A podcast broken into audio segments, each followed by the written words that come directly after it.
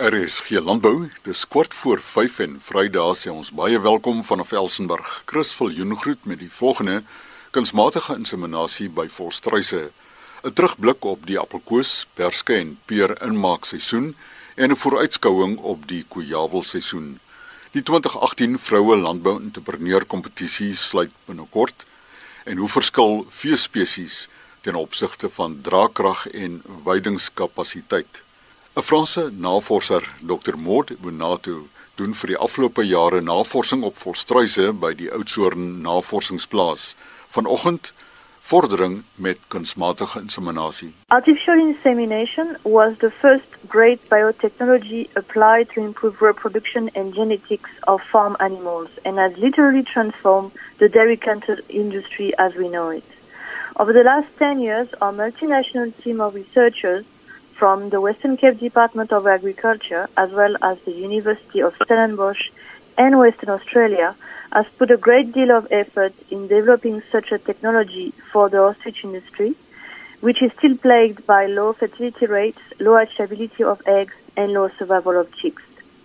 We have established that it is possible to collect good quality semen from ostrich males regularly in all seasons but spring and summer collection seems to be the best time to collect successfully highly concentrated semen.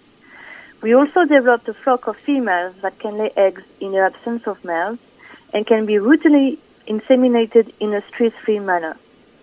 The recent development of an ostrich-specific diluent by our team has enabled us to freeze and preserve sperm over a long period of time, as well as to produce fertilized eggs from fresh and frozen food semen following artificial insemination.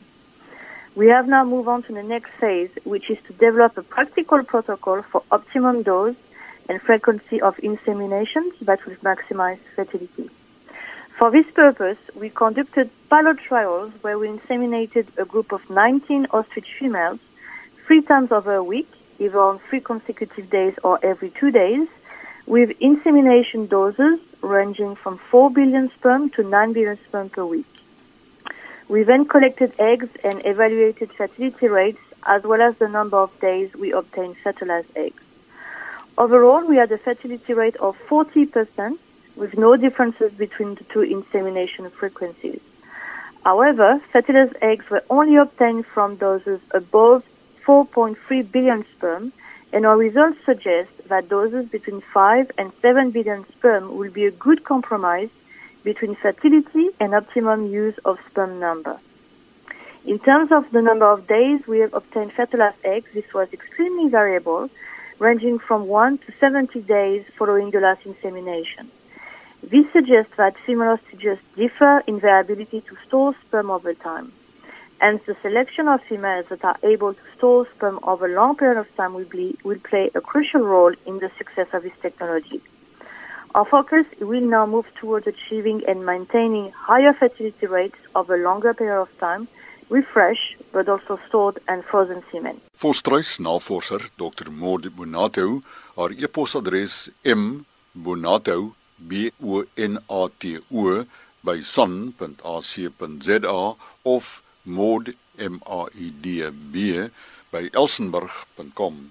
Die hoofuitvoerende beampte van die Inmaakvrugte Produsente Vereniging en ook hoofbestuurder van die Kojawel Produsente Vereniging, Wian Victor, gee nou 'n opsomming van die afgelope inmaakvrugte seisoen en kyk ook na die Kojawel seisoen wat reeds 'n aanvang geneem het. Ons kry wel uh, sekere vrugsoorte in sekere markte nog teen winsgewende pryse verkoop, maar daar is gedeeltes van ons markte wat veral in Rusland lê vir die pulp en die puree en die sappe wat onder geweldige druk is en word die vrugte nie opgeneem nie. Op hierdie stadium is daar uh, 'n ernstige korttermynprobleem in die bedryf en dit is dit uh, die feit dat ons grootste inmaakfabriek Langeberg en Aston Foods wat omtrent 60% van ons vrugte neem, dat die produsente op hierdie stadium sonder 'n langtermynkontrak sit. Hierdie langtermynkontrak het nou al vir 20 jaar geloop waar daar 'n ooreenkoms is om vrugte te koop tussen die fabriek en die produsent.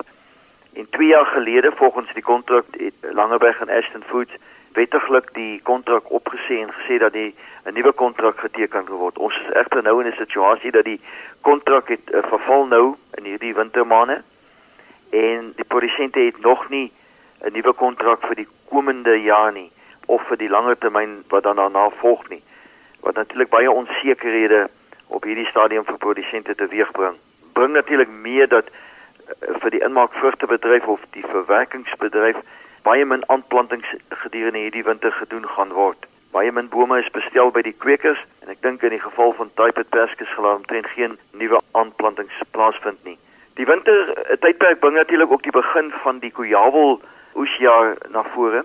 Kujawels word geoes vanaf April maand regdeur tot in Oktober maand. Wintervrug wat ook dan ook deur die verwerkingsbedryf verwerk word. Kujawels gaan ook na die varsmark toe. Maar hoofsaaklik vir die kujawelsap, 70% van die kujawels gaan vir kujawelsap en dan so 10% word ingemaak as ingemaakte kujawels wat verbruikers natuurlik op ons rakke baie goed ken. Op hierdie stadium het die droogte ook sy invloed laat geld op die kujawel oes en op hierdie stadium is ons oeskatting 10% kleiner oes. Ons het al begin om die eerste kujawels te oes en op hierdie stadium lyk die gehalte en die grootte heel aanvaarbaar. Mens sal natuurlik nou maar moet sien wat die res van die winterperiode inhou. As die nagte begin koud raak en ons kry genoeg reën, behoort die kujawels groter raak en behoort ons 'n 'n goeie oes in te samel. Omtrent 70% van ons Weskaapse kujawels word gebruik vir sap en dan uh, so 10% word gebruik vir inmaak en die res gaan vir die varsmark. Ons uh, kyk uit uh, dat hierdie kujawel oesjaar ook 'n suksesvolle jaar sal wees vir die bedryf. Oor die inmaakvrugte en kujawel oeste het ons verneem van Wian Victor wat aan die stuur staan van beide verenigings. Die 2018 Vroue Landbou Entrepreneur van die Jaar kompetisie sluit volgende donderdag die 31ste Mei. Inskrywings is steeds welkom. By ons Douglas Chitepu wat in die Wes-Kaap verantwoordelik is dat die kompetisie glad verloop. Hy is FSD direkteur in die Metropool en Oeverberg distrikte. Die vroue landbou entrepreneur kompetisie Weskaap vir 2018 is reeds oop vir geruime tyd. Die kompetisie sluit op uh, 31 Mei 2018. Uh, die inskrywingsvorms asook die kriteria vir die verskeie uh, kategorieë is reeds op ons webblad. Die webblad is www.elsenburg.com ek sal voorstel dat as u nog steeds as vrou nie van hierdie kompetisie weet nie, dat u so gou as moontlik na ons webblad kyk. Ons het ook advertensies geplaas in die plaaslike koerante binne die distrikte met die besonderhede van die verskeie distrikbestuurders wat u enige tyd kan skakel om meer inligting te kry as ook vra aan hulle te stel om hoe die uh, aansoekvorm te voltooi. Die kompetisie is gemik juis aan elke vrou binne die landbousektor wat 'n besigheid het om hulle besighede bloot te stel en dalk kan wegstap met 'n baie goeie prys wat 'n hulpstoot kan wees vir die besigheid in die toekoms. Die kompetisie is oop aan enige vrou wat wel aktief is binne die landbousektor en daarvoor vra ons juis dat dit is 'n geleentheid dat u as vrou wel van hierdie geleentheid gebruik moet maak om u besigheid blootstelling te gee. Nou die kategorieë vir inskrywing is die volgende: is die beste landbouwerker, die beste bestaansboer, die beste kleinboer, beste kommersiële boer. Daar's ook 'n kategorie vir uitvoermarkte 'n kategorie vir agri-prosesering en dan is daar 'n ministerial award wat gefokus is op die jeug asook die gestremdes. Hierdie kompetisie is 'n baie gewilde kompetisie wat in elke provinsie plaasvind jaarliks en wat gebeur is dat op provinsiale vlak die wenners van die verskeie kategorieë neem dan deel op 'n nasionale vlak in die maand van Augustus waar hulle dan deur die internasionale departement, dis nou die departement van landbou, visserye en bosbou, vereer gaan word met 'n nasionale prys in hulle kategorie met 'n baie groot prysgeld wat daaraan verbonde is. Sou u nog nie weet van die kompetisie nie, skakel ons distrik kantore so gou as moontlik met enige vrae wat u dalk het rondom die kompetisie. FSD direkteur Douglas Chitepu oor die 2018 Vroue Landbou Entrepreneur Kompetisie. Besonderhede by www.elsenburg.com. Draagkragbepaling en weidingskapasiteit. Hoe verskil veespesies wat dit betref? Dr. François Deeken lektor in die departement vee, wild en weidingkunde aan die Universiteit van die Vrystaat, gesels vanaf Bloemfontein. Elke diersoort het sy eie behoeftes. Nou ons werk dit uit van wat elke spesies, so of jy nou met wild werk, het jy het elke dier 'n sekere persentasie wat hy moet inneem per dag om te oorleef. Dit wat hy meer inneem, kan hy stoor as reserves. Ek dink 'n ou moet dalk gou tussen diereenhede en grootvee-eenhede dalk net opklaar want daar kan 'n probleem wees uit uit landbou landboukundige kringe of die teorie daarvan dat daar 'n standaard grootte dier wat ons praat van 'n grootvee-eenheid en baie mense werk net met 'n grootvee-eenheid. So volgens 'n definisie van grootvee-eenhede is dit die ekwivalent van 'n bees met 'n massa van 450 kg wat 500 gram per dag in massa toeneem op gewone grasweiding met 'n gemiddelde energieverteerbaarheid van 55%. Sowel dit moontlik is om wildeenhede in terme van grootvee-eenhede weer te gee of te bepaal, is sulke inligting partykeer beperk in terme van die waarde van die bepaling uh, van jou draagkrag en jou veld. So die basiese vereiste van bestuurstelsels vir 'n volhoubare wildboer om jou grootvee-eenhede uh, om te te omskep en die wildlading van jou weidingkapasiteit en en jou strykweidingkapasiteit te balanseer, bepaal ons jou weiding vir jou grasveld, jou strykveld en jou boomveld. Jy het bome dalk op jou plaas, maak nie saak waar in die land jy is nie, wat dalk vir jou 'n groot hulpbron kan wees. Alternatiewe benadering om om die geval van wild is ons ons praat van sogenaamde grazer units en browser units. So dan werk ek uit elke grasvreter eenheid, wat is sy sy behoefte per dag en en en dan werk ek dan nou uit wat is die ekwivalent van vee eenhede om om dit om te skakel van hoeveel kos het daai dier nodig oor 'n jaar periode en hoeveel kos is beskikbaar vir daai jaar se produksie. En dan kan ek my getalle uitwerk in terme van 'n grazer unit wat ons praat wat gedefinieer word as die metabooliese ekwivalent van 'n blou willebees met 'n gemiddelde massa van 180 kg terwyl 'n blaarvreter eenheid gedefinieer word as 'n metabooliese ekwivalent van 'n kudu met 'n gemiddelde massa van 140 kg. En volgens dit enigiets wat meer vreet of of groter is as 'n blou willebees of as 'n kudu, uh het dan 'n bepaalde formule wat ek vir jou kan uitwerk uh, hoeveel kos sê kameelperde byvoorbeeld het is 5.2 blaarvreter eenhede. Wat beteken jy kan net 5.2 kudu's aanhou in die plek van een kameelperd. Dis hoeveel hy kos hulle daagliks benodig. So dan gaan werk jy weer eens jou produksie van jou veld uit.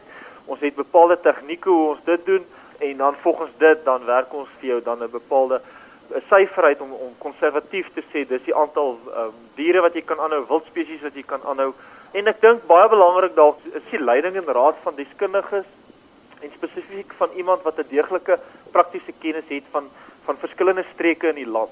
Jou evaluasie van jou plaas of dit nou 'n veeplaas of 'n wildplaas is, kan dramaties invloed hê op jou bestuurstelsels, jou vermoë om jou veld te verbeter as jy kundigheid betrek. Ek is nie 'n spesialis om nou in, in KwaZulu-Natal te byvoorbeeld uh, te gaan werk of in Limpopo provinsie nie, maar ons wat in die Vrystaat is, uh Universiteit van die Vrystaat. Hier's geweldige kundigheid, prof Henny Snyman, prof Nico Smit, ouens wat jarelange ondervinding het wat wat vir boere wil raad gee.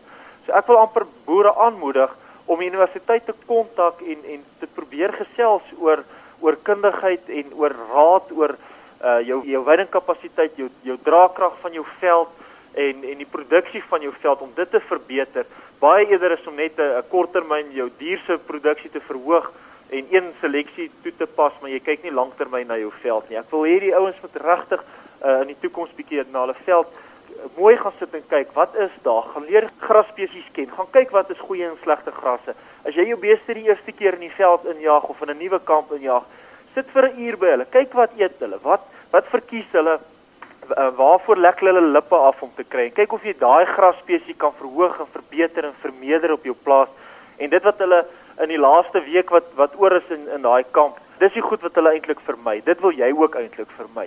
So gaan leer by die dier en gaan sit stil en en leer ken jou eie plaas en moenie luister wat ek sê nie. Gaan leer by die diere op jou eie plaas wat sê hulle vir jou of jou veld in 'n goeie en slegte toestand is. En so sê dokter François Deeken, lektor in die departement vee, wild en weidingkunde aan die Universiteit van die Vrystaat, sy e-pos deeken f d e a c o n f deacon f by efs.ac.za. Hart, lewer en bloed, dis die bestanddele van 'n nuwe soort wors. Ons verneem hiervan môreoggend om kwart voor 12 in RSG Landbou. Namens Elsenburg is dit Chris Viljoen wat groet.